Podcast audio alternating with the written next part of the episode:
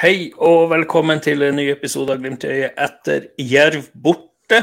Det endte med seier, en sliteseier. Og så, det har jo vært europatrekning. Vi må vel innom den trekninga og kampprogram i dag. I dag er det meg, Bjørnar, har Aleksander med meg og Raymond med. Og vi er vel glad for tre poeng borte mot Jerv. Eller hva?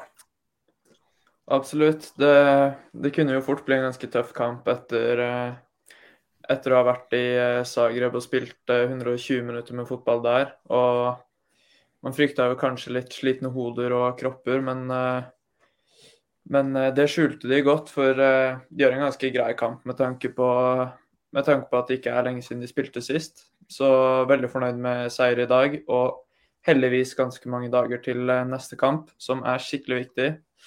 Det er det Molde på Aspmyra neste søndag. Så fint med litt, uh, fint med litt uh, hviledager og et par dager med trening før det.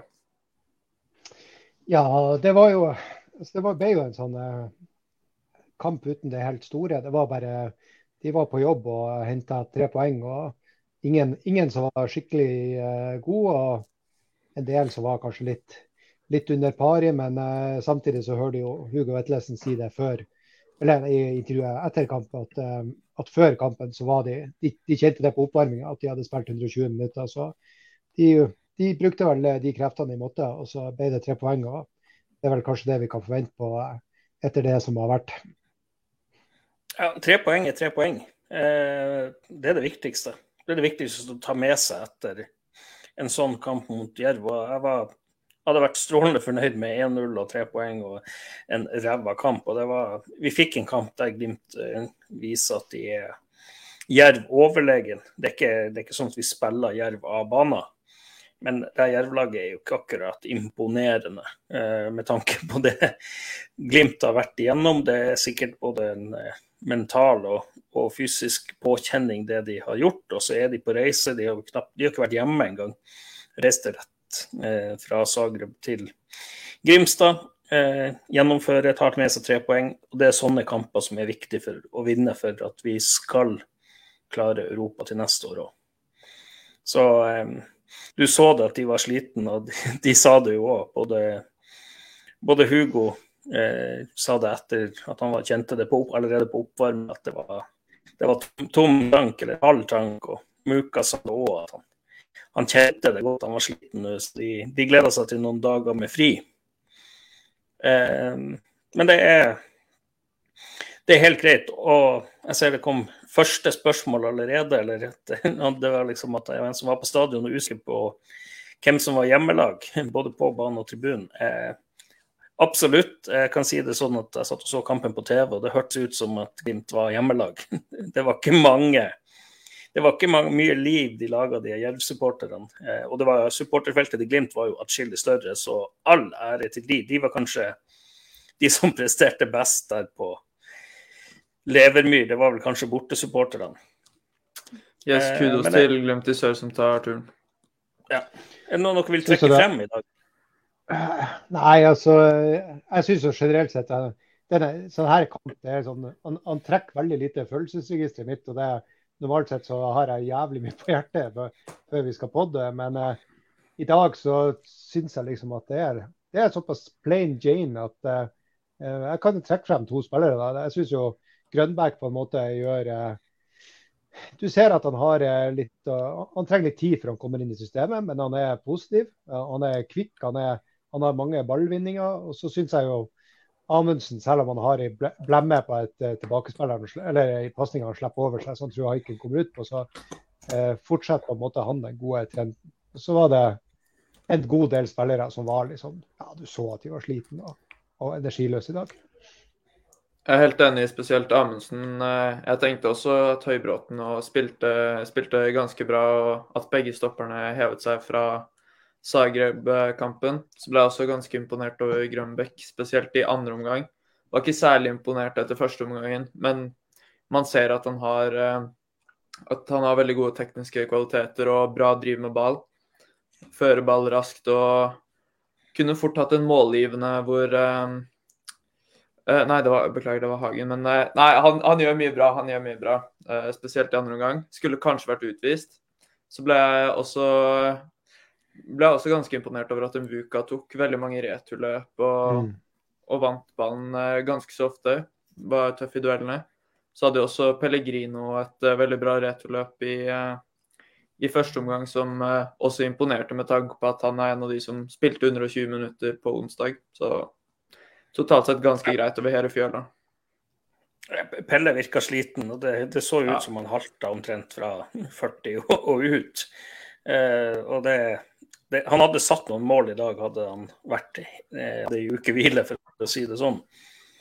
Eh, og så må vi jo selvfølgelig trekke frem den Rabona. Det er jo til Muka det er jo en synd og en skam at ikke det blir mål. Eh, men god prestasjon av keeper, det skal sies. Eh, og så syns jeg jo Espejord viser jo prov på det at han, han, er en litt annen type enn Salvesen. og I dag så gjorde han det, eller i hvert fall jeg etterlyst at han, han vender tidlig og skyter. Eh, det er ofte at han har ett touch for mye. Eh, jeg syns han kan bli tøffere på det å avslutte, og det er nok noe selvtillit som må spilles inn. Eh, men, men, han er jo sterkt delaktig i at vi, vi vinner denne kampen. Men jeg, som sagt, jeg syns Grønbæk også var veldig positiv. Ja, han burde kanskje Han hadde et oransje kort, samtidig hadde jo Jervet som også var hakket hakke rødere. Men, men, det når han vinner ballen og har rom foran seg, det drivet han har, det, det syns jeg imponerer meg. da. Han har jo en hockeyassist, nest sist på, på Vetlesen sitt mål. Så alt i alt det, det, er en grei kamp. Som Raymond sier, det er vel kanskje sånn Dette er hverdagen. Eh, og det, det, føles litt som en nedtur etter den kampen mot Zagreb. For det var Jeg må jo si personlig, jeg trodde ikke jeg skulle bli så skuffa over å ryke mot Zagreb, men jeg følte det at vi hadde de på gaffelen. Jeg følte det at det var en kamp Jeg var jo ikke med i siste episode. Det var en kamp vi absolutt burde ha vunnet. Så, men eh, ja, beholdninga. Tre poeng borte mot Jerv. Jeg syns eh, vi tar oss det. det. det. er vel egentlig det å si om, egentlig om kamp. Ja, det er ikke lenge siden de tok uh, tre poeng mot, uh, mot Lillestrøm på hjemmebane. Også, det, er ikke, det er ikke et veldig godt lag, og det viste de på Aspmyra. Men de har vært helt OK på, OK på hjemmebane. Det er jo der de i stort sett har tatt poengene sine. Så å vinne 2-0 i dag, det, det, er ganske sterkt med tanke på kampbelastningen de siste ukene. og at det er noen få dager siden de var i Zagreb og spilte 120 minutter. Syns det er litt tynt av han Espejord at han ikke setter den på den Rabonaen der. For at der kan han faktisk lett ha en til touch. Han trenger ikke avslutte avslutt mens han står i keeper. Uh, den den syns jeg er litt tynn ut av han. Og så uh, Positivt så syns jeg den pasninga til 2-0-målet, den pasninga til Muka som er veldig sånn forløsende for hele angrepet, det, han slår jo opp han Albert Gunbæk i og trer han vel mellom et par-tre spillere liksom fra nesten høyre back-posisjon og så inn i midtbanen. Uh, og den er jo kjempeviktig for, for det angrepet der. det er Samsted, Samsted som har den, faktisk. Samsted som trer igjen. Ja. Jeg mente på det var Muka. Alex, vet du? OK, det, det var jeg sikker på Muka tok med seg, men OK. Ja, men, men uansett, det, det var, to, forspillet til 2-0-målet var bra. Og den mm. Avslutninga til Yrtnes på der Hagen kunne fått seg nazist, var også det, det, er jo ekstremt bra spill, ikke sant? der vi også spiller langs bakken. Og det er litt sånn eh, Jeg følte med Pelle, han var litt sånn Jeg følte han ble litt statisk. Vi fikk litt mer rom i andre omgang, men det er sånn han, han gikk seg inn i sekken. Han hadde ei avslutning fra god posisjon. Så Nei, men, eh, men alt i alt så tror jeg det, den, den Jerv-kampen Jeg tror guttene er glad for å ha lagt den bak seg. Ja, Fremdeles sist på Pelledal, så det er jo noe å ta med seg. Ja, det er det.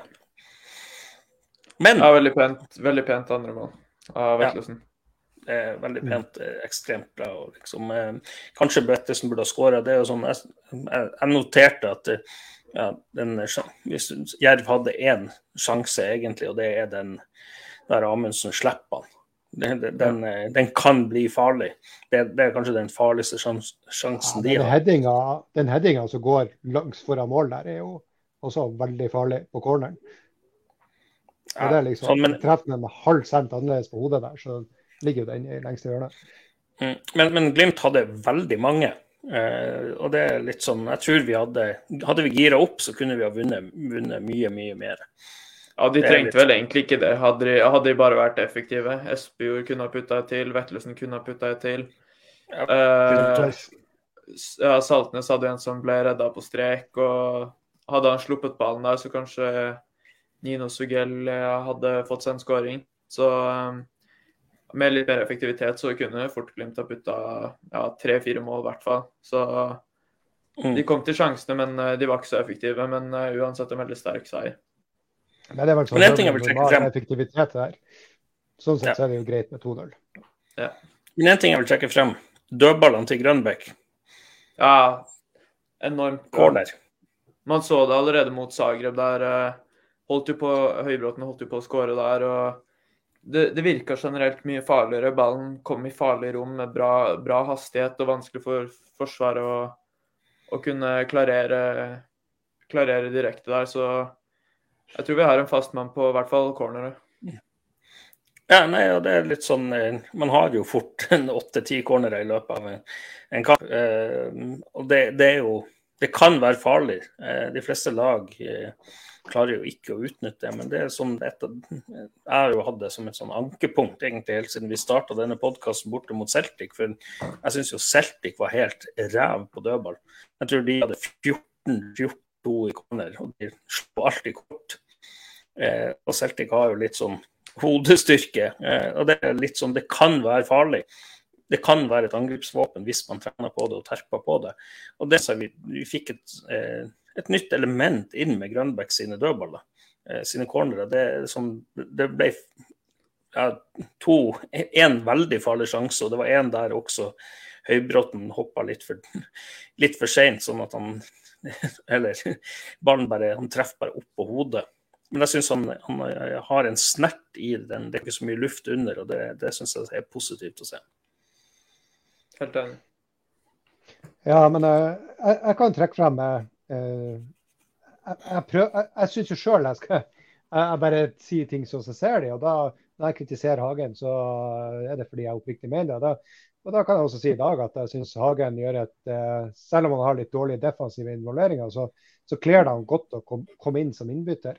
Eh, når kampen er, har satt seg litt, og vi leder, vi leder vel 2-0 på det tidspunktet. og Han kan spille med lave skuldre og, og, og liksom med, mot et litt mørna, mørna lag, så syns jeg Hagen ser, ser bedre ut. Og, men samtidig så syns jeg at Saltnes også eh, Han er ikke outstanding, han er egentlig ikke noe så veldig mye bedre enn Hagen i veldig mye ut av det han gjør. Men du ser han i et par defensive situasjoner laga noen frispark og litt sånn som er, som er viktig at han tar. Og, og kanskje det også i tillegg da, at han, at han Saltnes der at han, han styrer troppene rundt seg. Du, han gir mye beskjeder og kjefter mye også. Det til.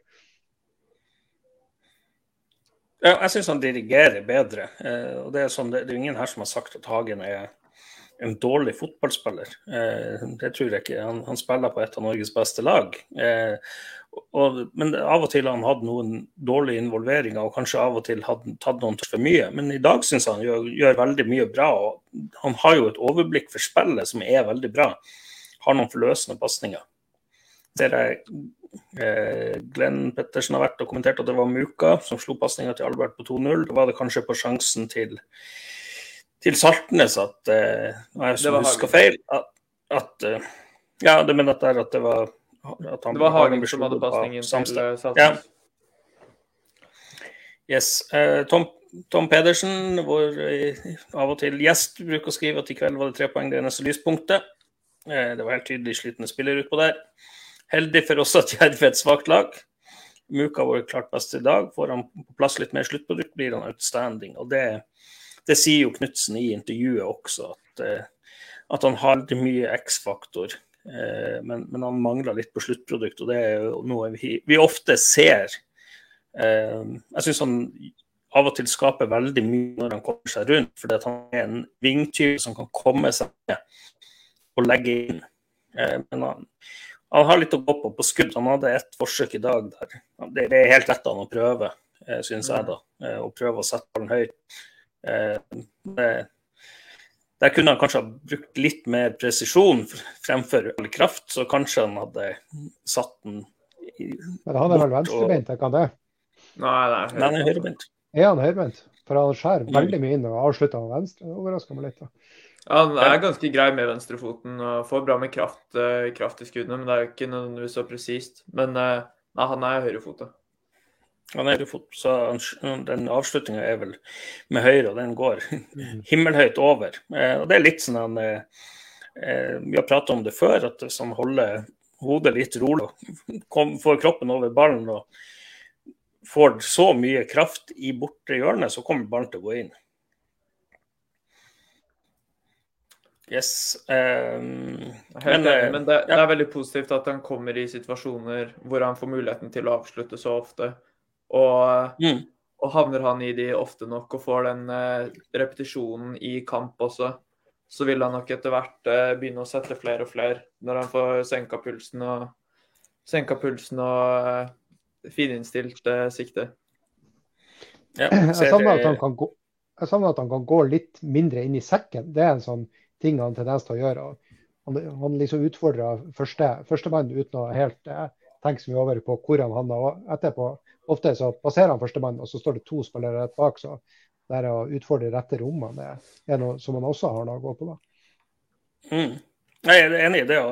Sånn når, når, han skal gå inn eller når han skal gå ut, det, det valget mellom det, det er ofte sånn at han, han går seg fast. Men han har jo en ekstra tyngdeoverføring. Jeg tror ikke jeg har sett det der siden Håkon Evjen var i Glimt. En, en mann som, som danser sånn med ballen.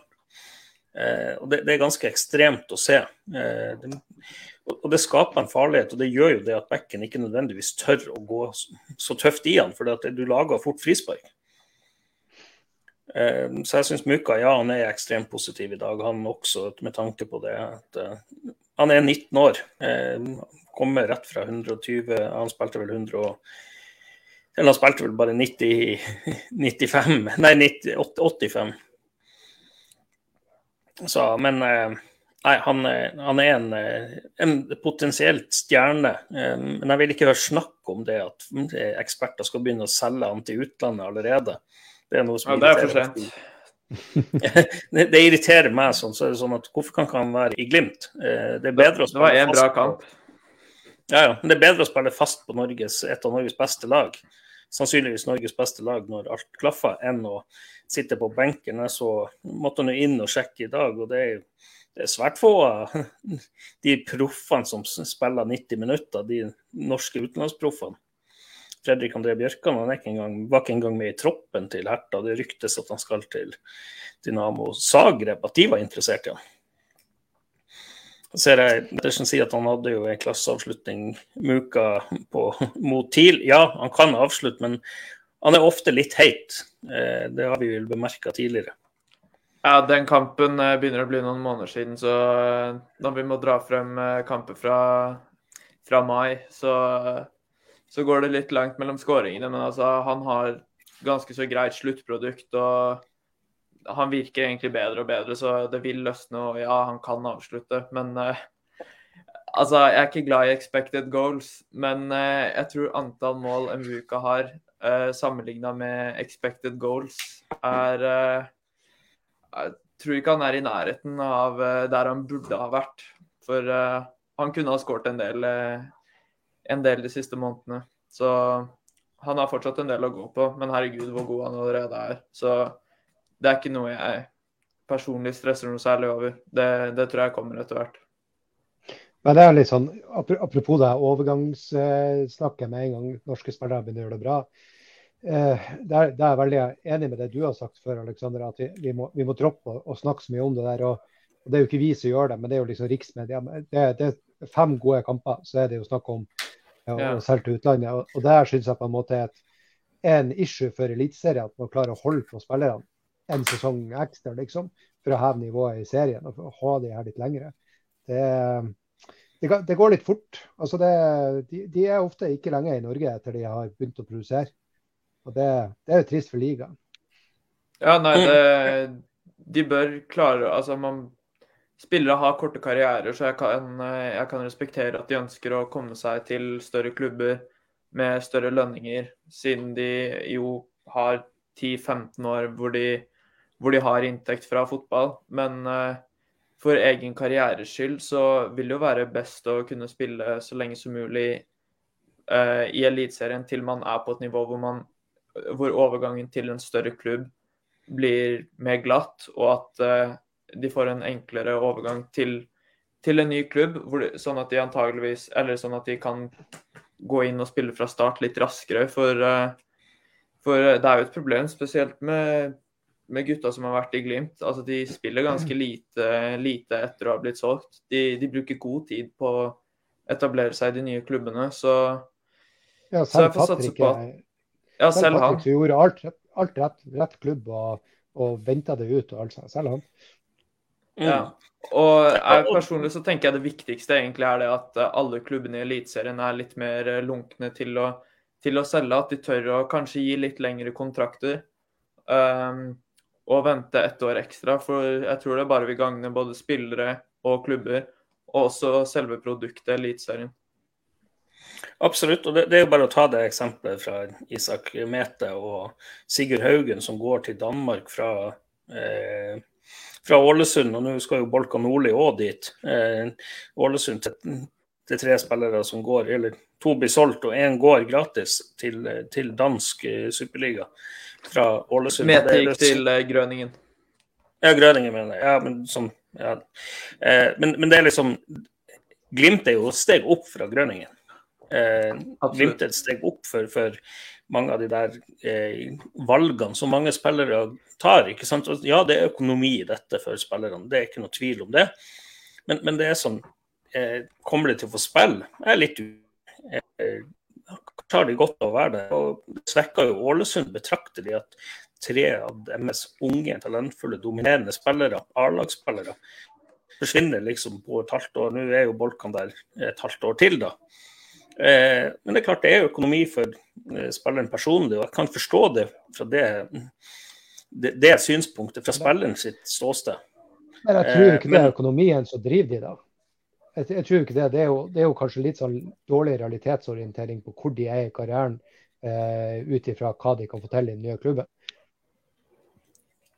Ja, det er mulig det er eh, dårlige rådgivere og agenter som eh, som selv ønsker å tjene litt penger på, på, at, uh, på at, klientene deres blir solgt, og at de uh, dermed ønsker å ønske spillerne til de klubbene som uh, betaler best. Men jeg tror det er veldig mange av de som blir solgt fra Eliteserien som hadde hatt godt av et halvt og en halv sesong til, og gjerne én eller to sesonger òg. For altså, blir de lengre, hever nivået på sin egen klubb og serien, så vil jo pengene komme tilbake til Eliteserien, og det vil, det vil, være mulig med større lønninger også her hjemme. Så jeg, jeg håper eh, spillere ikke ja, slutter, å, slutter, å, stresse med å komme seg bort med en gang man har levert et par kamper, og heller se hva man har mulighet til å utrette her hjemme, og heller går når tiden er inne og riktig. Ja, og håper at, eh, at ekspertene ikke nødvendigvis skal selge de med en gang.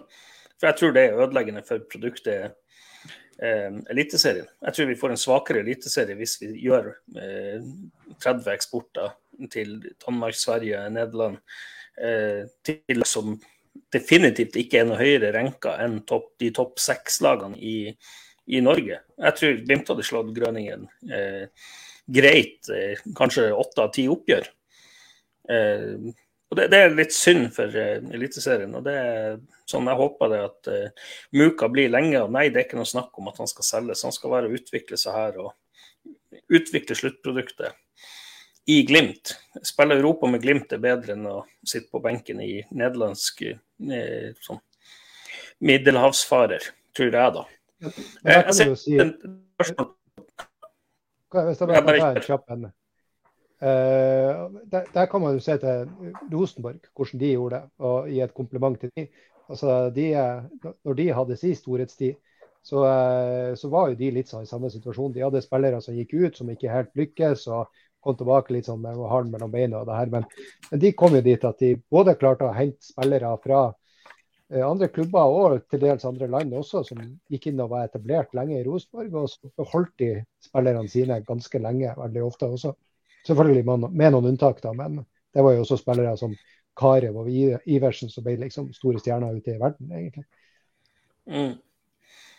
Ja, problemet for Eliteserien er jo egentlig at uh, det er ganske få klubber som har kunnet garantere spill i Europa. Og, uh, og, akkurat det skjønner jeg er en ganske viktig faktor for en del spillere. Men nå er det ikke så mange som blir solgt fra Eliteserien til klubber som spiller Conference League, uh, Europa League og Champions League. Så så nei, ja, som du sa, det med eksperter. Altså, jeg kan ikke skjønne at rettighetshaver ønsker å lage saker to ganger i uka om at disse spillerne bør selges til de og de klubbene. Altså, Hva tjener de på det? det, det bortsett fra et par klikk, men det, jeg klarer ikke å forstå det. Nei, og Nå har vi jo også spillere som Haiken og Solbakken og Samsted som det er litt, sånn, det er litt vanskelig å forstå hvorfor, hvorfor, de ikke har lyst til å være med videre på det eventyret her, om så et halvt, halvt år til. Mm. Vi skal prate litt mer om Europa, da kan vi også gå inn på det temaet. Jeg ser det kommer til et spørsmål på Twitter. Eh, Martin spør, eh, og det henger sammen med Tom sitt spørsmål eh, og Ante Gerlach sitt spørsmål. Bør Glimt fortsette jakten på en ny venstreback?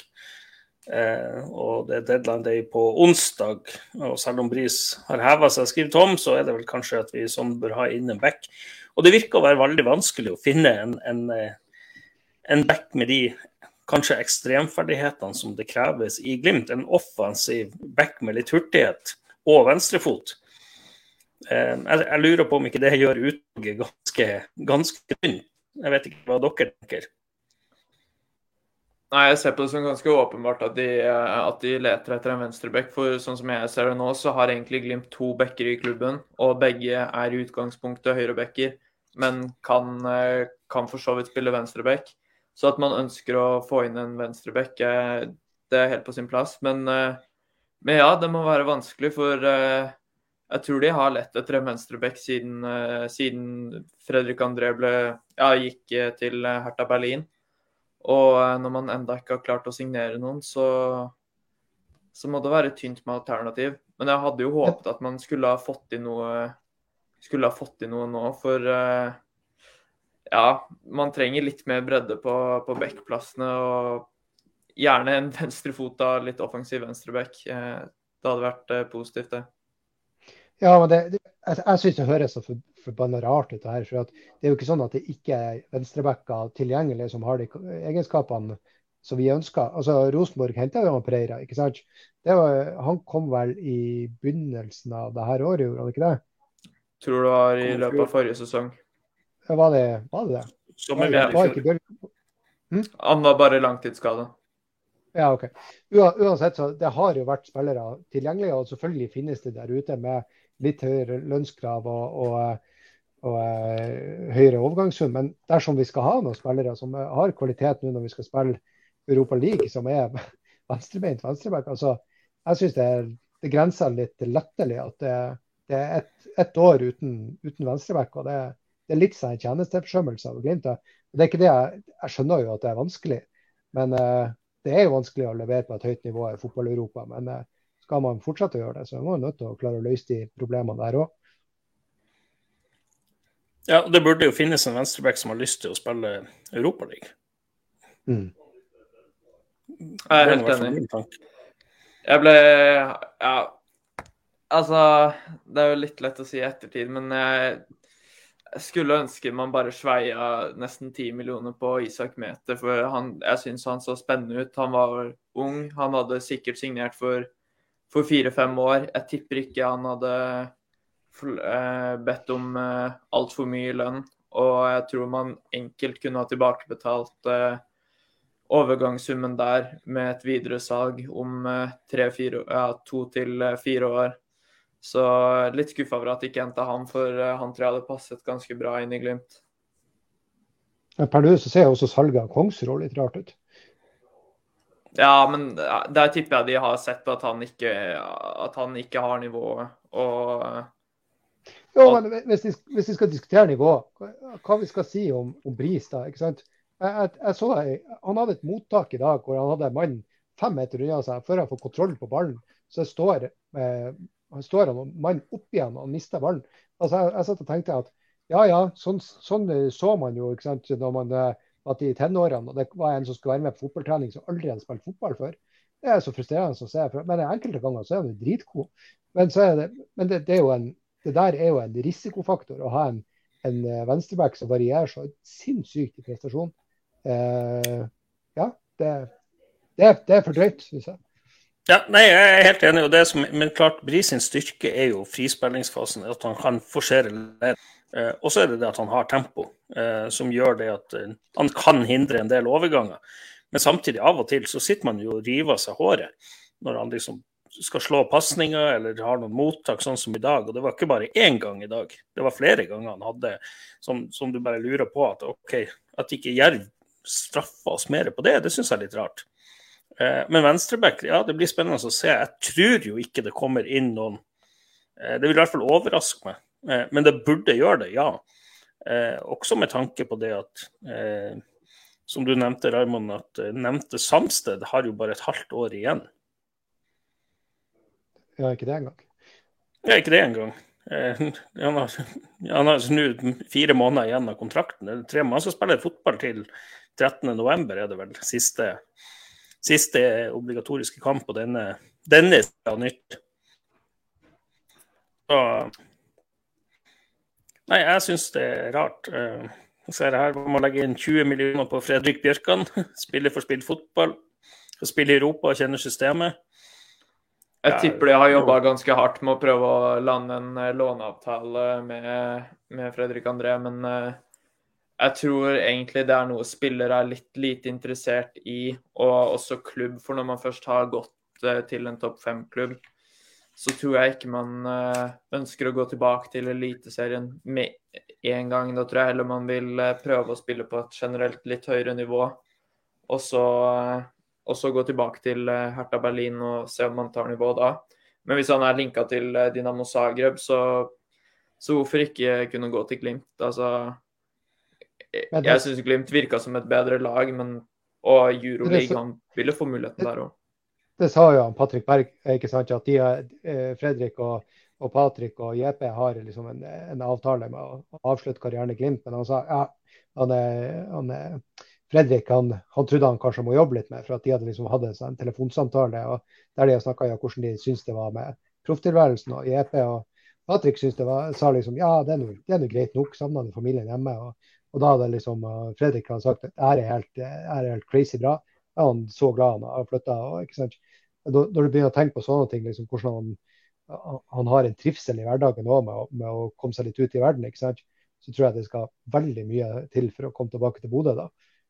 Han er jo den alderen hvor, hvor andre kompiser har flytta, studerer kanskje litt i utlandet. Litt sånn. er, jeg, jeg, jeg, skjønner han godt. Jeg tror det er tidenes longshot å liksom skal skal hente han tilbake. Ja, gjerne, gjerne det, altså. Men jeg, jeg, tror det, jeg, tror det, er nesten umulig uansett hvor mye penger man legger på bordet.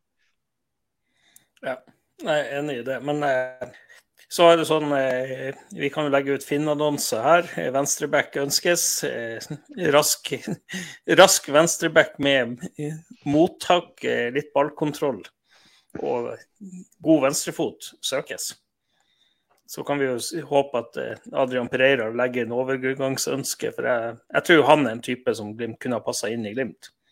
Og vi mm. kjøper jo backer, så nå har de jo snart fire-fem på hver. Det blir spennende å se alle de høyrebackene de har. Og Rosenborg de spiller jo på en måte ikke med back heller, med den trebackslinja. De spiller jo med tre stoppere, og så har de jo De kan jo bruke midtbanespillere, wing og back på venstre og, og høyre side, liksom. Mm. Så, så er veldig høy der både, både, han og jeg tipper hvis, hvis Samsted ikke forlenger, så kan jo Erlendal Reitan òg legge inn et lite ønske. Det er klart, det har jo stagnert litt for han i, i Rosenborg. Men nok om det. Vi tar litt ta et, et annet tema å diskutere. Eh, det har vært roptrekning. Eh, og for min del så syns jeg det var et skikkelig plaster på såret av at det ikke ble Champions League. Eh, vi skal møte to relativt store lag. Eh, Arsenal. Eh, det tipper jeg blir mye hype rundt den kampen. Også PS. Jeg tror jo det også er er tøff motstand. Og så har vi Zürich, eh, hvor eh, spiller en, en, si, en Ole Selnes, som er kjøpt på Wish, eh, kommer tilbake fra Kina der. Eh, skal gjøre seg litt penger. Så trøndere de skryter sånn av han. Ja, ja, han valgte Zürich foran dere, så bra. Hva syns vi om trekninga, da? Nei, litt todelt. Sånn eh, Det er kanskje ikke de kuleste plassene å reise til for å se kamper. Eh, ganske tøff trekning òg. Um, men ja, det er jo klart det blir kult å, kult å dra til London for å se Glimt spille borte mot uh, Arsenal. Tror man kan få noen kule kamper uh, mot uh, PSV. Og uh, Zürich. Jeg vil si at det kunnskapen min om sveitsisk fotball ikke er all verden. Men sånn sportslig sett skulle man kanskje ønske at man fikk en litt enklere gruppe med høyere sannsynlighet for å komme topp to for å ja, kunne spille sluttspill til vinteren og våren. Jeg tror det blir jævla gøy, det her. Altså, jeg tror Glimt har muligheten til å komme topp to. Jeg uh, tror jeg har de som en liten favoritt foran Syris til å ta tredjeplassen uh, om topp to skulle ryke. Så jeg tror, blir, jeg, tror det blir, veldig gøy. Jeg syns det er et supert plaster på, på såret. Jeg ble jo kjempepositivt. Altså, jeg, det fikk meg til å glemme en del av det at vi har røket ut av Champions League. For vi, i gruppa her var det litt sånn Champions League-kvalitet over. Og ja, det hadde vært fint å, å spille Champions League, og, og, mye ut av det, eller litt ut av det er jo egentlig økonomien i det òg, men, men, mest av alt å få, liksom, få bryne seg på de største og, og, få de største lagene til Aspmyra. Og, og, det har vi på en måte fått nå. Eh, og vi får ta læring i det, og vi får spille på store stadion. og, og i, det hele tatt. Jeg, jeg syns det her var skikkelig positivt. Det, det kunne nesten ikke ha blitt det. Jeg digger at vi har havna i vanskelige grupper. Jeg vet at uh, Glimt uh, blir antageligvis å bite bra ifra seg på hjemmebane. Og kan sikkert gjøre ting i, i den gruppa der òg. Og det er jo en større prestasjon. Og når jeg ser den trekninga som Molde har i, i Conference League, så tenker jeg sånn ja, om folk ikke var engasjert i Molde, så ble de ikke noe mer engasjert ut av, ut av den trekninga der. altså. Så takk pris for at vi fikk noe vanskelig som er faktisk litt artig i stedet. Jeg er helt enig. og Det er sånn eh, det er bare sånn Hvis Molde skal møte Djurgården, det høres ut som en, eh, en, en treningskamp liksom, på La Manga. Ja, det, det, er jo litt sånn eh, det, det, Den trekninga til Molde som så. Men jeg er helt enig med deg. Jeg syns det er et kjempestort plaster på det Champions League-såret som for min del det svei mer. Ikke fordi at jeg, jeg hadde så enorm tro på at vi kom til å maltraktere Zagreb, men, men, fra 70. til 90. minutt så var jeg så sikker på at vi skulle dra dette i land og få noen storkanoner. Men jeg, liksom, jeg tror Glimt også det passer dem bra å få prøve seg mot ordentlig motstand. Eh, og det blir Det er jo litt morsomt å kunne reise til London og Emirates og se Glimt spille mot Arsenal. Eh, og så er det så enkelt at med ti poeng så er man sikra andreplass. Jeg satt og så i eh, alle gruppene i fjor, ti poeng. Det, det, holdt, eller det var det maks andreplass hadde. Eh, det var ett lag som gikk videre med åtte, ni poeng. Nei, ett lag som gikk videre med åtte poeng, andreplass, der det holdt i gruppa. Så det, det er sånn Mantraet er vinn alle kampene hjemme og spiller én borte eller vinner en borte, så er vi videre. Jeg eh, tror nøkkelen blir PSV, PSV borte. Får man med seg noe der, da, da har man et greit utgangspunkt. Mm. Og så er fordelen at Glimt allerede er begynner, Sesongen begynner å nærme seg slutten. Eh, Glimt burde ha en formtopp nå. De andre lagene de, de starta sesongen nettopp. og Sånn som Arsenal sin del, det, det store stjerna det er snakk om her. Jeg tror ikke det er så kult for dem å komme opp på kunstgresset på Aspmes. Det er stiv sørvestkuling og litt regn det pisker inn fra Vestbyen der, da tror jeg ikke, jeg tror ikke de syns det er, det er så kjempestor stas å være Arsenal-spiller da. Men vi kan jo ta, ta litt på kampoppsettet, for uh, jeg må si at uh, man hadde kanskje, kanskje, litt uflaks i uh, selve terminlista der. For personlig så håpet jeg på Arsenal borte i første, mest fordi jeg ser på det som minst sannsynlig at man kan få med seg noe, borte på Emirates, og eh, at sannsynligheten for at man kan eh, ja, enten slå eller spille uavgjort mot Arsenal er størst når det er nærmeste desember og kaldt og, kaldt og litt snø og masse vind.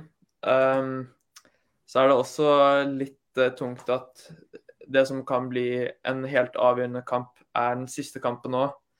PSV, PSV hjemme 3.11, tror jeg det er. Det blir, fort, uh, det blir fort en viktig nøkkel for å kunne ta andreplassen. Så jeg tror Glimt har hatt litt uflaks i terminlista der, men uh, det er nå de samme lagene man møter uansett, så man må bare gjøre jobben. Ja, jeg sitter jo og ser litt på terminlista her. og Jeg, jeg syns det er en fordel altså, vi, at både PSV og, og Arsenal møter vi vel først, eh, først på bortebane, der Glimt tradisjonelt sett har vært eller sånn i det siste, siste lille året har vært ganske I hvert fall siste halve året har vært dårlig, rett og slett.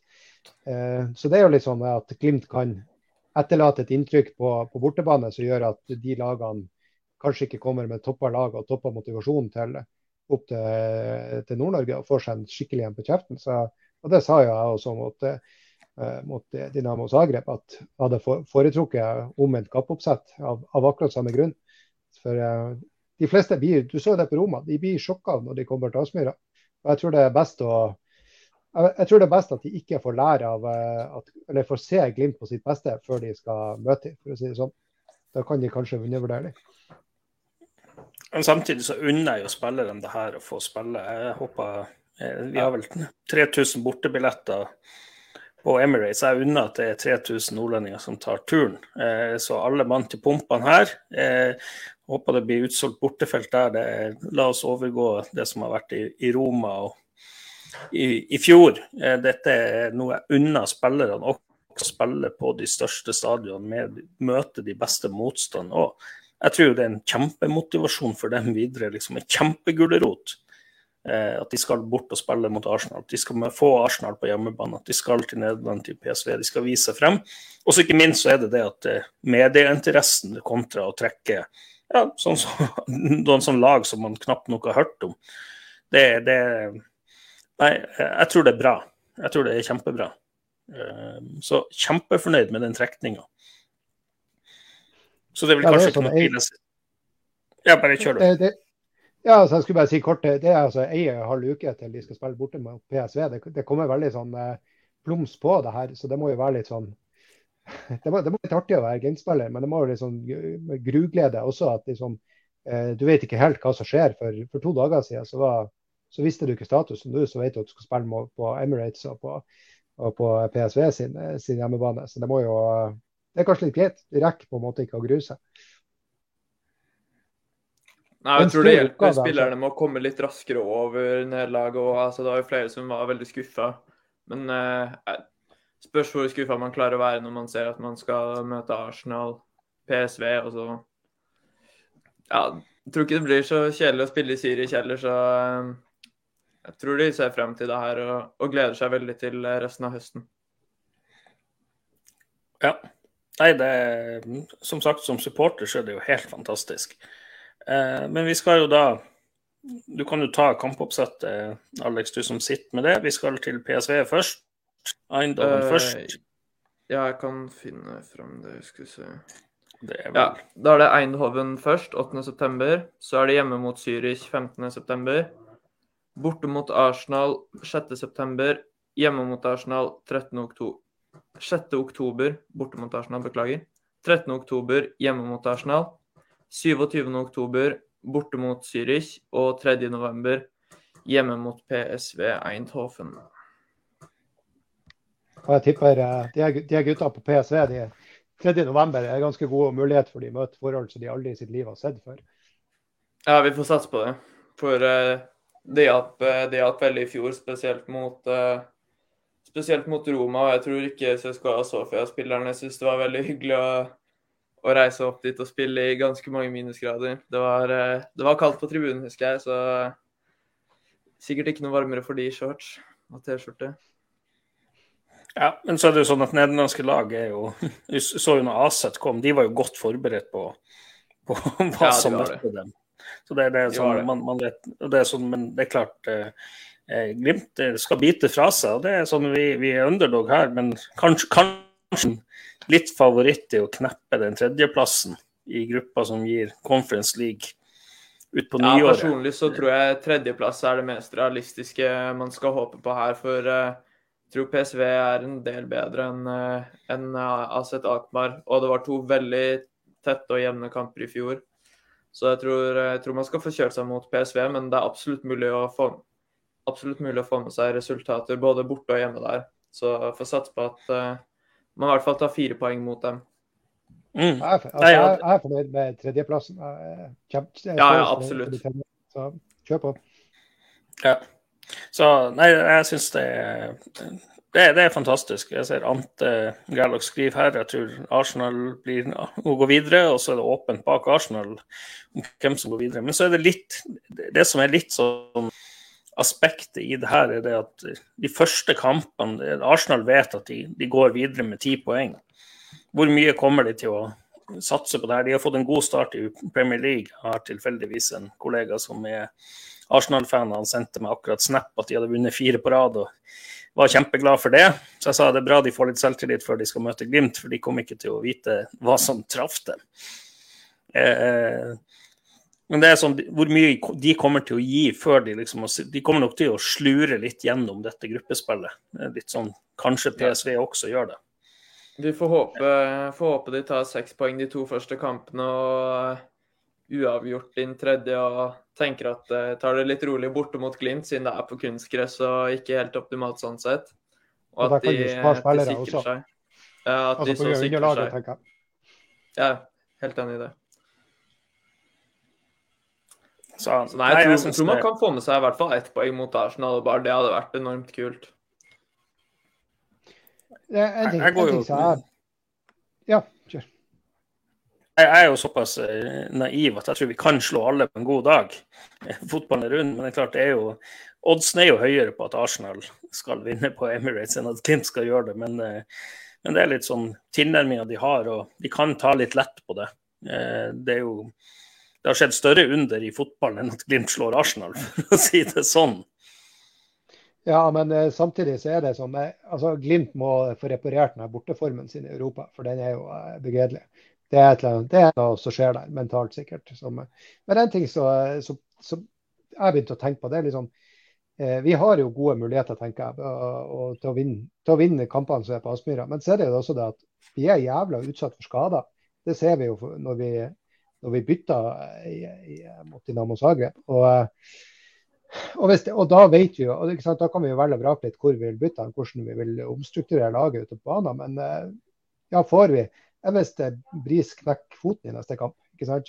Sånne ting, eh, eller ute, får en strekk som gjør at han er ute i noen, noen uker, eller sånn. Det, det, er langt fra usannsynlig at sånne ting blir å skje med det, den belastninga som Glimt-spillerne har hatt. Så der er jeg litt sånn kjent, jeg begynte å tenke på det, litt bekymra for at vi skal få skade der vi har dårlig dekning. altså. Og det er en del plasser. Ja, eh, det er jo sånn, Vi har jo kjempegod dekning på stoppeplass. En ikke kan spille i Europa, og to er skada. Mm. Så vi har jo bare per dags dato to stoppere tilgjengelig. Og det er de to som har spilt mange kamper. De har spilt veldig mange minutter, de to stopperne våre. Um, så er det litt som der Brede Moe har vært eh, skadeutsatt. Forhåpentligvis er han på tur tilbake. Eh, Seri Larsen har vært veldig skadeutsatt.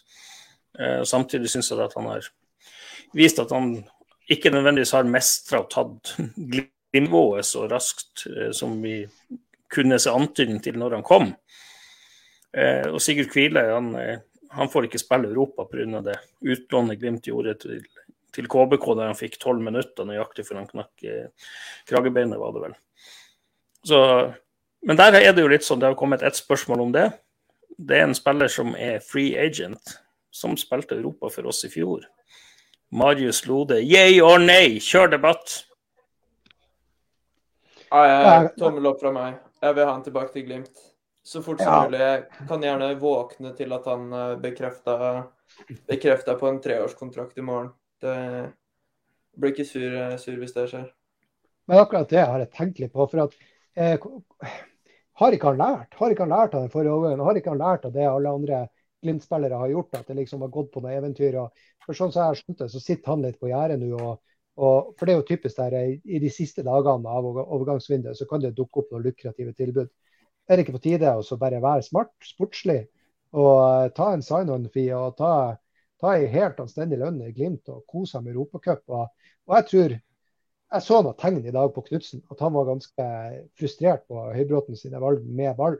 Du, sa, de, du så jo at han slo noen dårlige pasninger, og da filma det liksom rett på Knutsen etterpå. Han sto og var kokforbanna. Så jeg tror jo faktisk at sånn som det står seg nå, så tror jeg Loda hadde gått ja, om ikke rett inn på laget, så i hvert fall etter en kamp eller to, så hadde han vært eh, spiller sammen med Amundsen, sånn som det ser ut nå. Og, og det skal sies, at Høybråten har gjort mye seg, det ja, småfeil i de siste kampene. Altså. Det, han har ikke vært like stødig som han har vært på sitt beste. Nei, jeg er helt enig med dere at eh, jeg tar Marius Lode hver dag til Glimt.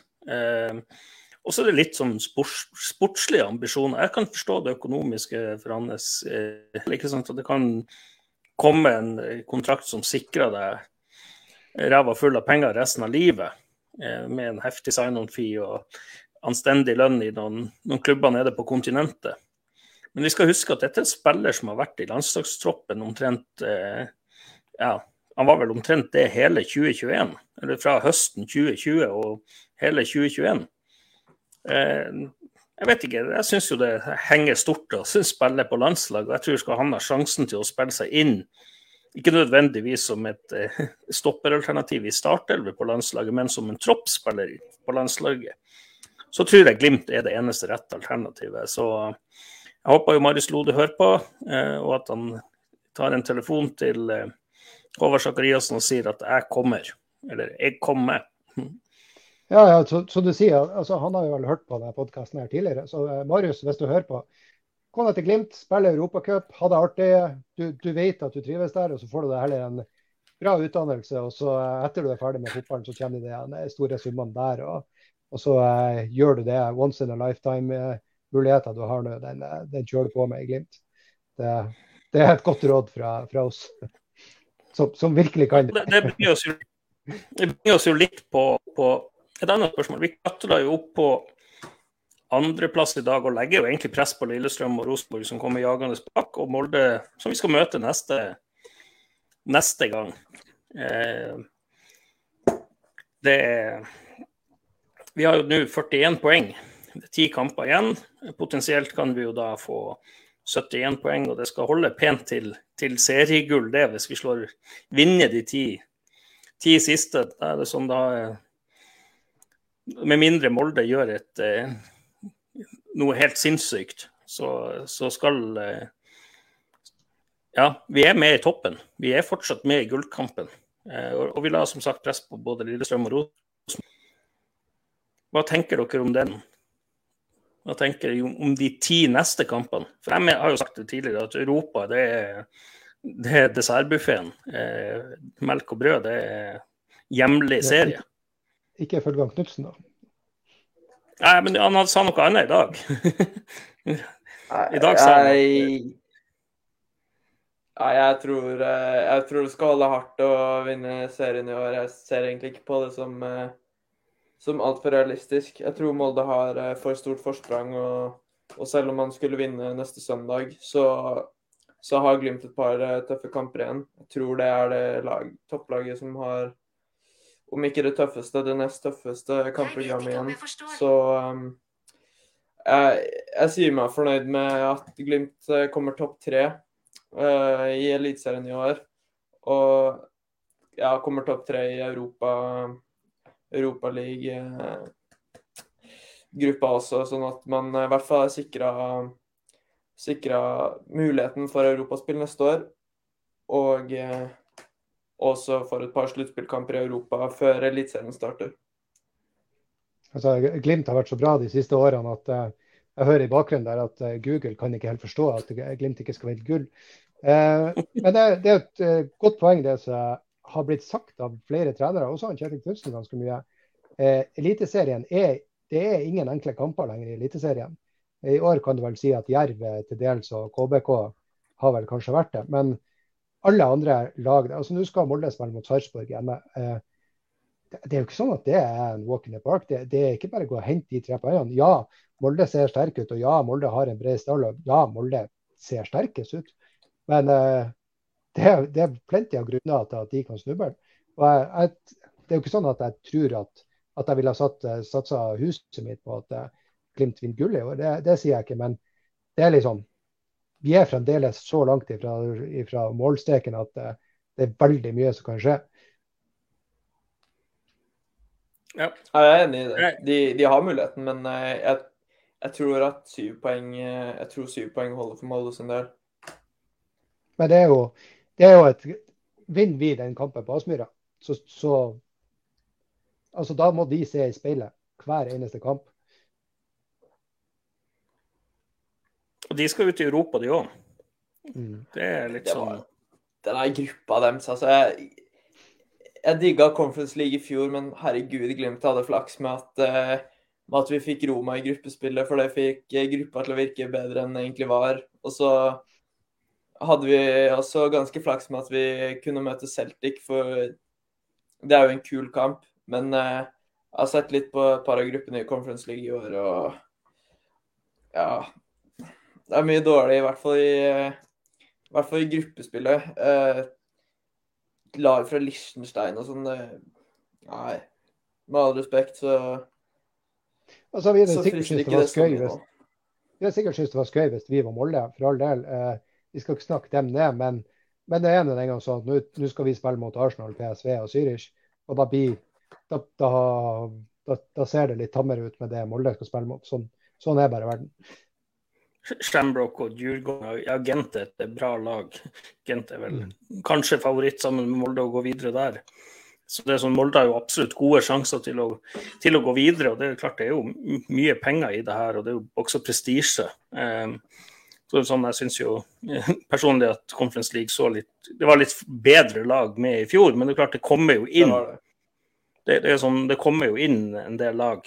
Uh, det er jo ikke, ikke, noen av de her gruppene som, som i Conference liksom hadde skremt vettet, bortsett fra den ene med Vestham, eh, Anderlecht, Silkeborg De som slo ut Viking. Viking gikk jo på en velfortjent eh, skrell der. Vi er vel enig i det, er vi ikke det?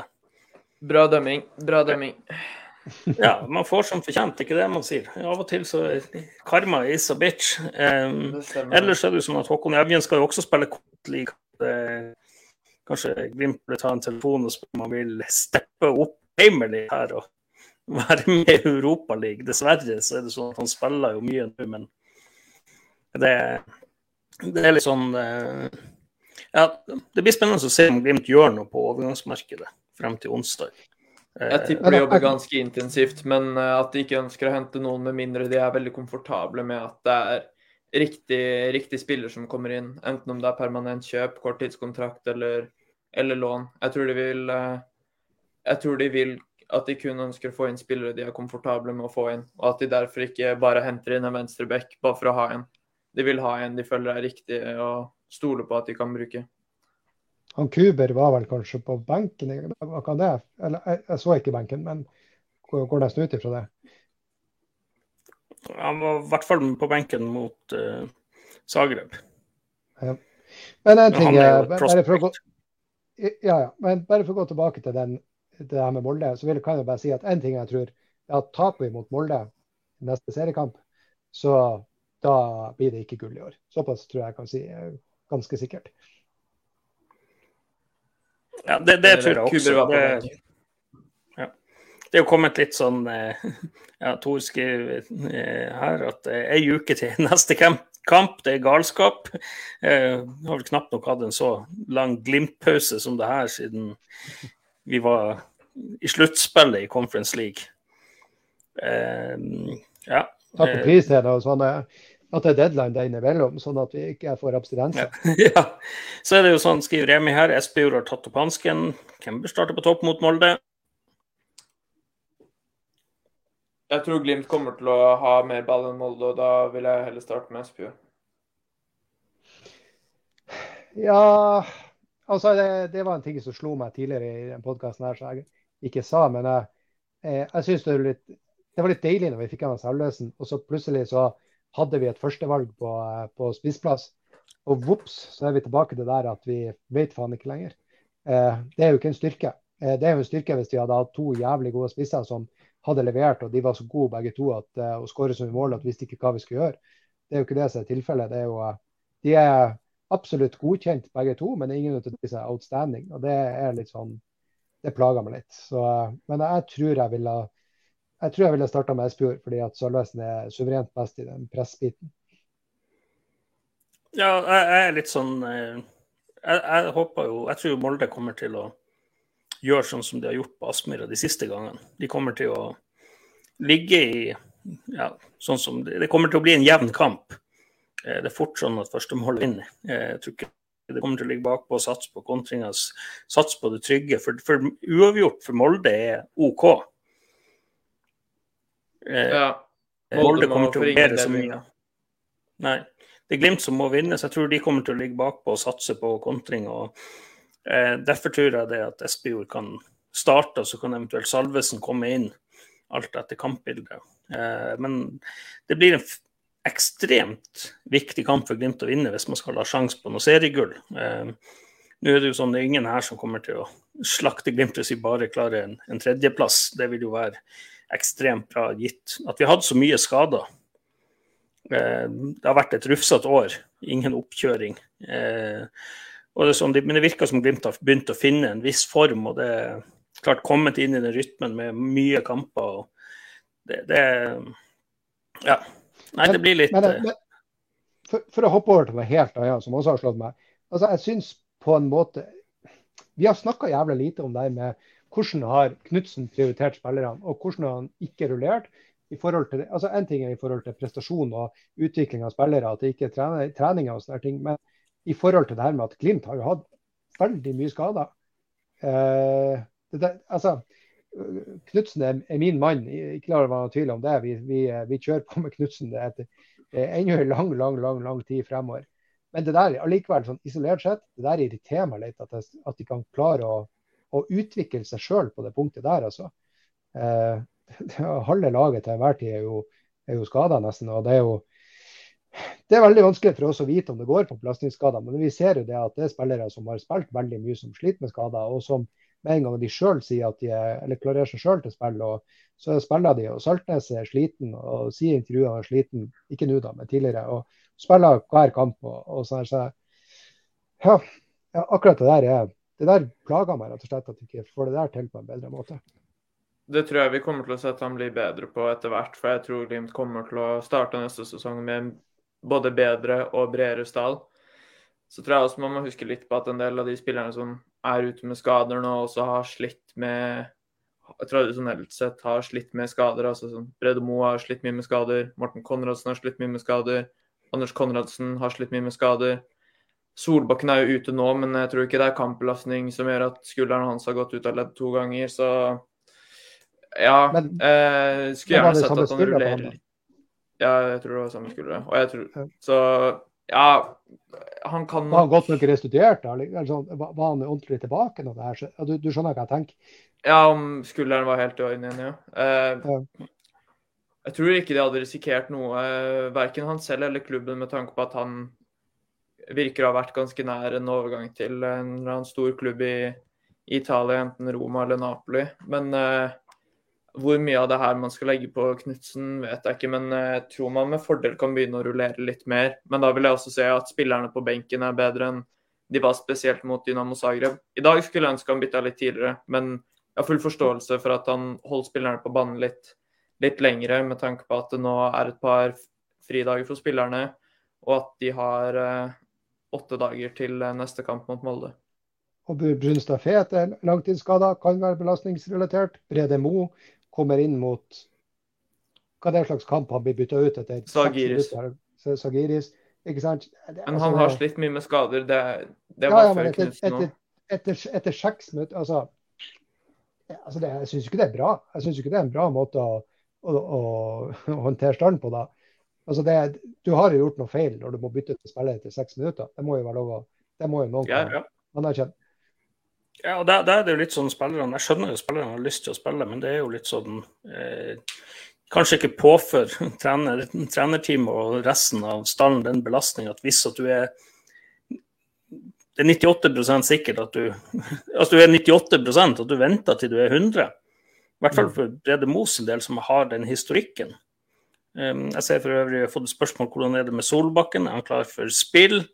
Så sånn, jeg, Jeg har ikke sett han på noe eh, noe kamptropp, så han er vel ikke klar for spill. og for Min personlige mening er at jeg savner ikke Solbakken. Muka er, har gjort det den høyrevingen.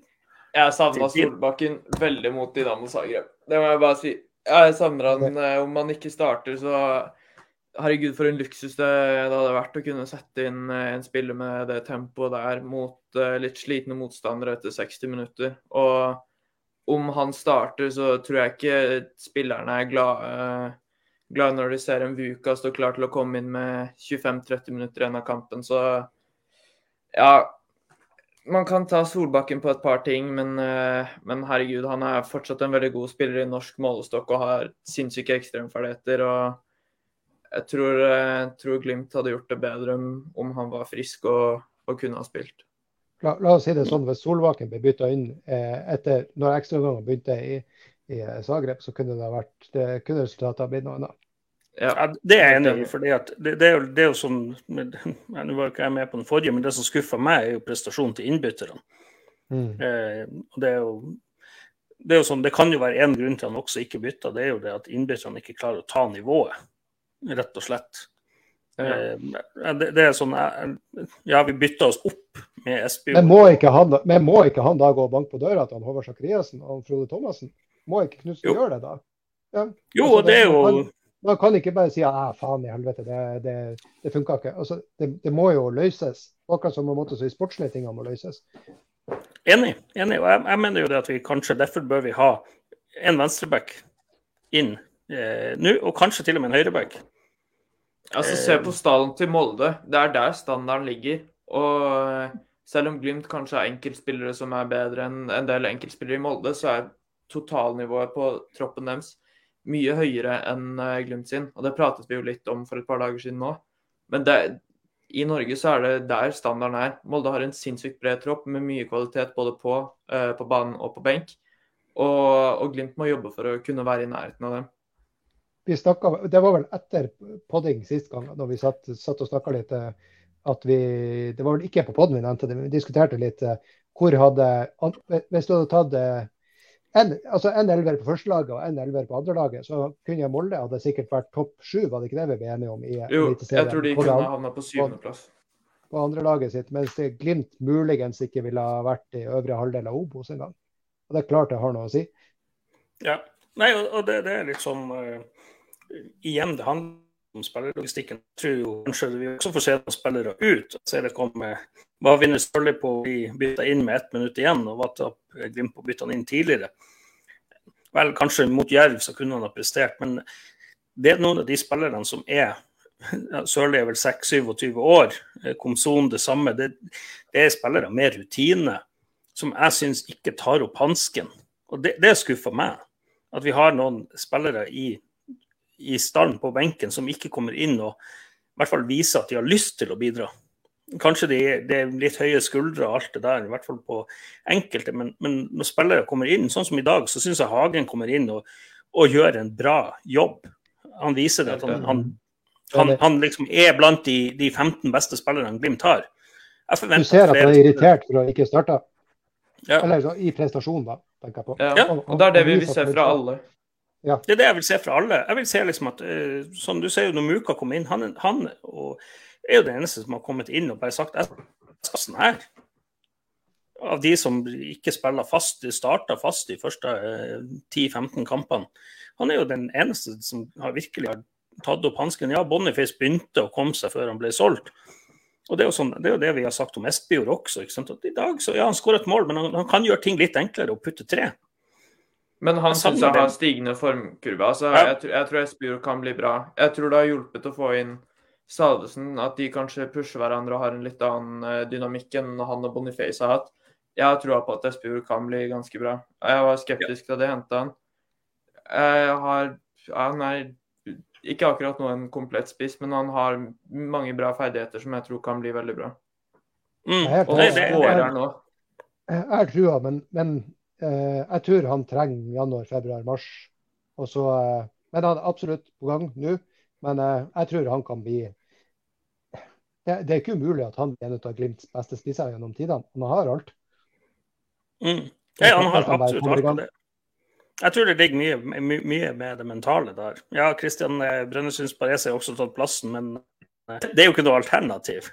Vi har jo ikke noe alternativ til Amundsen, men han har jo virkelig bevist at han fortjener plassen. Men eh, det er klart, hadde, hadde Brede Mo vært skadefri, så hadde han spilt. Eh, det, det er jeg litt usikker på. ja. Det er til, litt tilfeldigheter òg, eh, at Muka også spiller. Så ja, men de to har virkelig tatt, tatt store steg i år. Men nei, det er litt den spillerlogistikken. Det blir spennende å se. Jeg tror jo fort det er noen spillere som er på tur ut. For jeg håper jo det er kanskje for spillerne sin del. Eh, vi begynner å ha ganske mange eh, ja, spillere som er 5-26 år som ikke presterer. Ja, jeg tenker det. At det og, og så er det noe med å eh, De på en måte Hva skal jeg si? De lapper et hull som, en, eh, som de ikke allikevel klarer å lappe. Altså, de, de sitter på benken og, og liksom, de gir treneren mulighet til å tenke at, at jeg har folk å bytte inn hvis det blir noen skader. Men så ser du det at altså, Sørli, Komson og dessverre Anders og Ognes Konradsen, når de, når de kommer inn, så, så viser de vel på mange måter at eh, de, de holder ikke nivået som trengs i Glimt. Så, og da, er det, Mhm. da hadde det vært, da hadde det vært like greit å bare få de ut og få inn noen som gjør det. For eh, jeg skjønner det at det kan være viktig å ha folk på benken og kontinuitet og folk pusher opp trening og alt det der, men ideelt sett så bør man jo ha en benk som du kan bytte inn spillere som kan prestere. Så. Du Var på, Alex. Må gjerne selge to, tre eller fire spillere som egentlig ikke er gode nok, og heller samle, inn midler og på den måten investere i en spiller som OK, kanskje er, kommer litt tidligere av benken, eller kan starte. For eh, ja, man må begynne å bygge en tropp hvor egentlig alle kan komme inn uten å senke nivået altfor mye. Det Altså, standarden har økt. Nå, nå skal man kjempe om topp tre i Eliteserien hvert år og man ønsker å kvalifisere seg til en eller annen europacup hvert år. Og da må man nesten ha en viss standard på spillerne i troppen og på hva man ønsker å hente inn. Man må fortsatt hente eh, spillere man føler er riktige, og unge spillere man kan utvikle. For Bodø-Glimt er fortsatt en liten klubb, det er en norsk klubb, og vi kan ikke bare hente spillere fra øverste hylle. Men man må begynne å gjøre litt bedre signeringer og, og prøve å få en litt bedre, få bedre kvalitet inn i troppen. Det, det tror jeg er viktig at eh, Glimt begynner å fokusere på nå i overgangsvinduene fremover. Ja, og så er det en ting jeg har lyst til å si med dette, det som har skjedd egentlig til nå i dette sommervinduet, det er jo det at noen er bak oss har virkelig forsterka seg. Rosenborg har jo, mener jeg, nå har de en, en kjempebra tropp. De har henta mange, eh, ja, mange spillere gjennom egentlig de to siste overgangsvinduene siden Rekdal kom. Begynner å få bredde i troppen. Eh, De mista Fiabema, men de fikk han der tangsprellen inn. Eh, Henta Cornic nå som høyreback, ikke sant, et alternativ. Eh, De begynner å dekke en del hull. Mulig de henter Fiabema permanent òg. Jeg ser de Ja. driver og jobber med det. Eh, Lillestrøm henta Thomas Lene Olsen tilbake. Eh, klart Ekko Adams er ute. Eh, Vålerenga har jo også henta en del spillere, selv om det er ikke alle som trives i Vålerenga. Vi så han Bråtvedt holdt 25 dager, han var drittlei.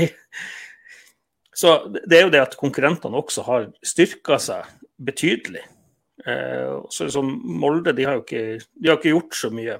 Men realiteten de to siste årene var jo det at Molde solgte seg jo I fjor solgte seg jo ned. De henta nok Kristian Eriksen, da. Ja, de henta Kristian Eriksen. Jeg vet ikke om jeg skal kalle det en forsterkning eller ikke.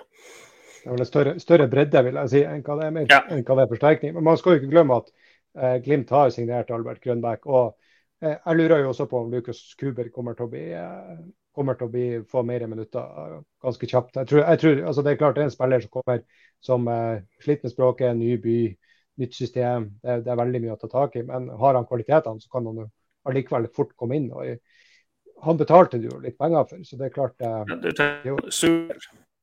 Kuber var, er jo også kommet, men han Ja, unnskyld. Ja. backprospekt.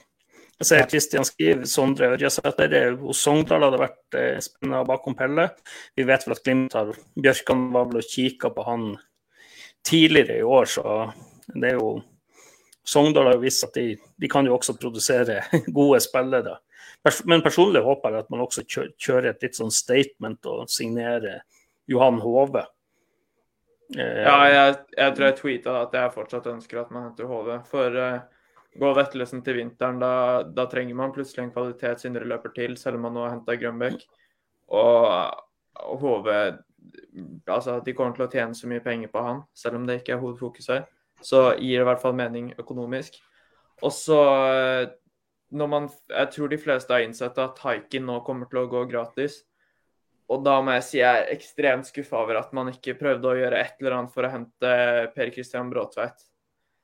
For han, han syns jeg er god. Han er altså 26 år er ingen alder for en keeper. Hvis man har en duo, eh, altså at man har Faye Lund og, eh, og PK Bråtveit, da er veldig komfortabel med keeperne Glimt eh, angriper neste sesong med. Så jeg er litt skuffa der. Han måtte ha sittet på benk i et halvt år, men han tror jeg hadde starta for Glimt ganske greit neste år.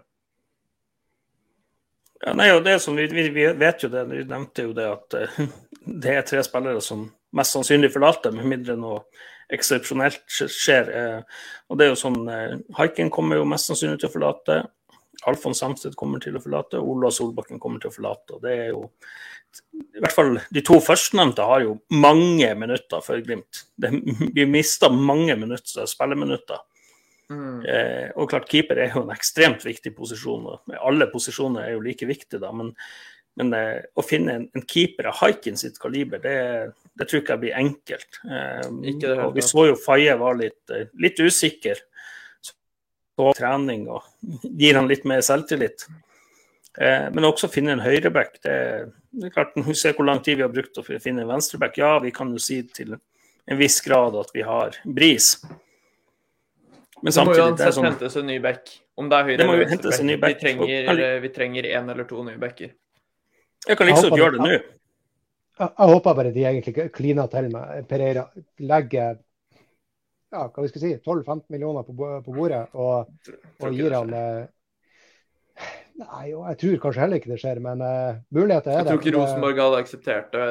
Jeg tror sånne, sånne overganger mellom toppklubbene i Norge, det jeg tror det skal ekstremt mye penger til for at noe sånt skal skje. Altså sånn, selv om Glimt er et par hakk over, eh, over Rosenborg per dags dato, så, så er det ikke så mye som skal til før rollen er snudd. Det er ganske økonomisk motivert også. Jeg tror hvis Rosenborg ja. Eh, ser at de kommer ikke til å starte fast med Pereira, og de får den summen de vil ha, så tror jeg de selger han til Glimt. altså. Mm, så spørs det om han vil det, for da tror jeg, jeg tror han har ganske grei lønn i, lønn, lønn i uh, Rosenborg, og den tror jeg ikke matches i Bodø.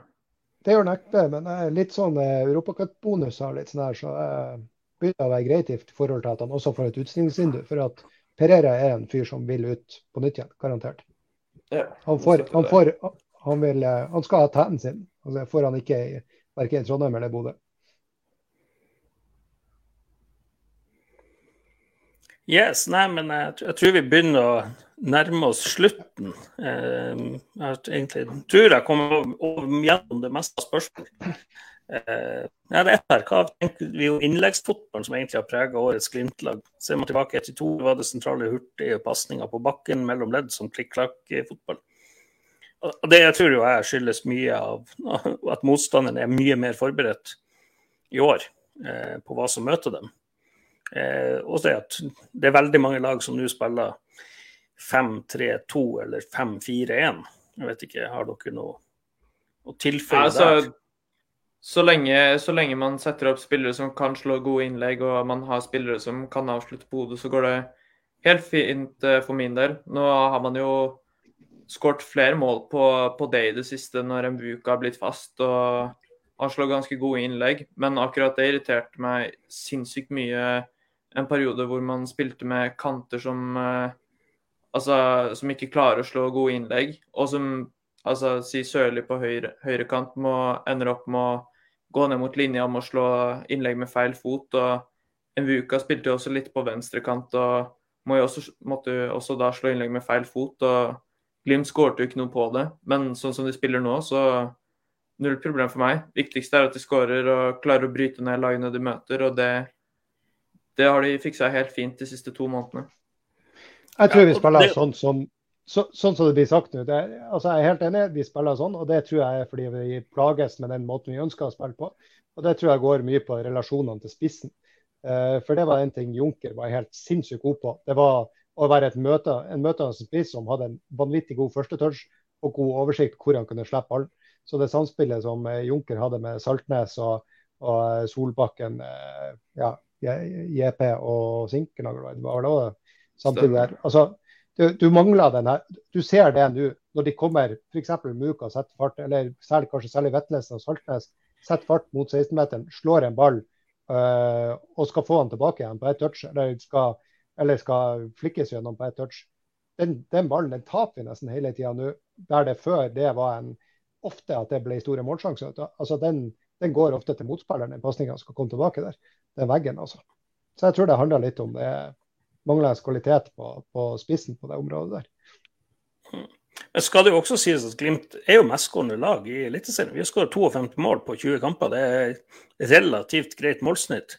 Problemet til Glimt i år er jo de jævla uavgjortkampene. Det er jo det at vi spiller en del Vi har, vi har liksom leda mot Rosenborg. ikke sant? Vi får baklengs. Vi klarer ikke å drepe kampen mot Lillestrøm på hjemmebane.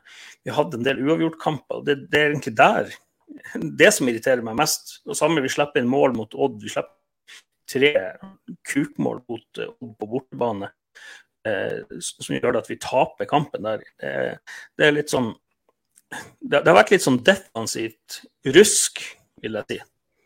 Eh, men det, det, er jo litt det spørsmålet PM hadde her, at eh, han syns eh, Grønbæk var bedre som indreløper enn Saltnes. og det er jo, Jeg syns han viste pro på veldig mye med ballen han har jo tempo eh, og liksom kan utfordre eh, som også kan gjøre det enklere for Espejord å skape mer rom for både spiss og, og ving.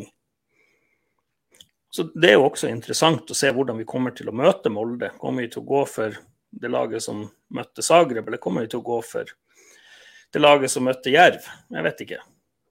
Noen tanker? Det var en ting, det var en ting som var veldig sterkt hos oss i, i 20-sesongen. og det generelt sett hos de beste fotballagene, så ser du det at eh, når eh, La oss si at en spiller kommer, venstre ving kommer til avslutning, så vil du, altså avslutningsmulighetene er en god posisjon, så, så vil man miste tellinga som, som, forsvarer. Altså Du vil ha to-tre spillere som går inn og blokkerer. og på, Hvis du har, du har gode bevegelser rundt, så har du plutselig to-tre spillere som står på blankt mål. Og De skåringene hadde vi vanvittig mange av i 20. Eh, og Det kom som følge av det raske kombinasjonsspillet. Det er derfor jeg syns det har vært litt rart med at vi har henta inn litt sånn andre typer. Eh, både, i Hagen, ja, han er ikke relevant i det eksempelet her, da, men, men begge vingene egentlig. Nå er Muka på tur dit, men og spiss. At liksom å få den her klikk-klakk-fotballen, litt, litt sånn tikki taka-spiller rundt, rundt 16-meteren, det, det, har forsvunnet helt. og Der, der skjønner ikke helt hvordan Glimt tenker når de henter inn nye typer. For at de, eh, de spillerne som har de rollene der, de, de går ut, og så kommer det inn spillere med helt andre sett ferdigheter, syns jeg. Ja, det er fair, men samtidig så Altså, den sesongen til Sinkernagel er den beste sesongen som er levert i norsk eliteserie noen gang. Altså 18 mål og 19 målgivende tror jeg aldri kommer til å Det tror jeg aldri kommer til å se igjen. Uh, og Haugo før han ble solgt, var, det var helt sinnssykt å se på. Så uh, det er ikke bare å gå og hente spillere med den type spillestil og sånn, men, uh, men, men ja, det, altså, det, er noe, det er ikke så mye likhet i spillerne man har erstatta de med. Men... Nei, Det er akkurat det. Det er det jeg mener. For det er ikke det at du, jeg vet jo det at du kan ikke hente nye spillere i det kvaliteten. Men hvis du får en spiller som spiller på et helt annet sett ferdigheter, sånn som Pellegrino og Solbakken, så må plutselig bevegelsesmønsteret til bekken, til indreløper, til sentral midt, til spiss, alle, alle, de relasjonene der må bygges opp helt, helt forfra. Du må ha et helt nytt grunnspill for å matche det som, eh, det som den nye spilleren da gjør. Hvis han vil ha ballen i, i bakrom, f.eks., jeg tar et eksempel da, så må laget stå på en helt annen måte for å skape de rommene. Det er veldig mye som må endres. Og jeg tror det kanskje er så enkelt at det går på at Eh, du får ikke, Klint får ikke tak i spillere som er villige til å komme til Klint, som er treningsvillige, som er gode nok, og som også har de rette ferdighetsregistre. Liksom. De, de, klarer ikke å, å, fylle alle de punktene der. Det er fair nok, men litt trist. Yes. Med det så tror jeg vi skal begynne å avslutte. Er det overgangsvindu neste, og så er det Molde hjemme på Aspmyra. Ja, ryker vi der, så ryker, tror jeg gullet ryker. Eh, vinner vi mot Molde, så er plutselig serien helt åpen. Jeg tror vi skal eh, avslutte med å takke våre, våre sponsorer. Vi må takke Webum for hjelp med produksjon. Og så må vi takke Adventure Taylor, som er vår sponsor. Og det er godt å legge seg og vite det, at vi nå har i hvert fall lagt press på Lillestrøm og Rosenborg. Så heia Glimt, fortsett. Heia Glimt.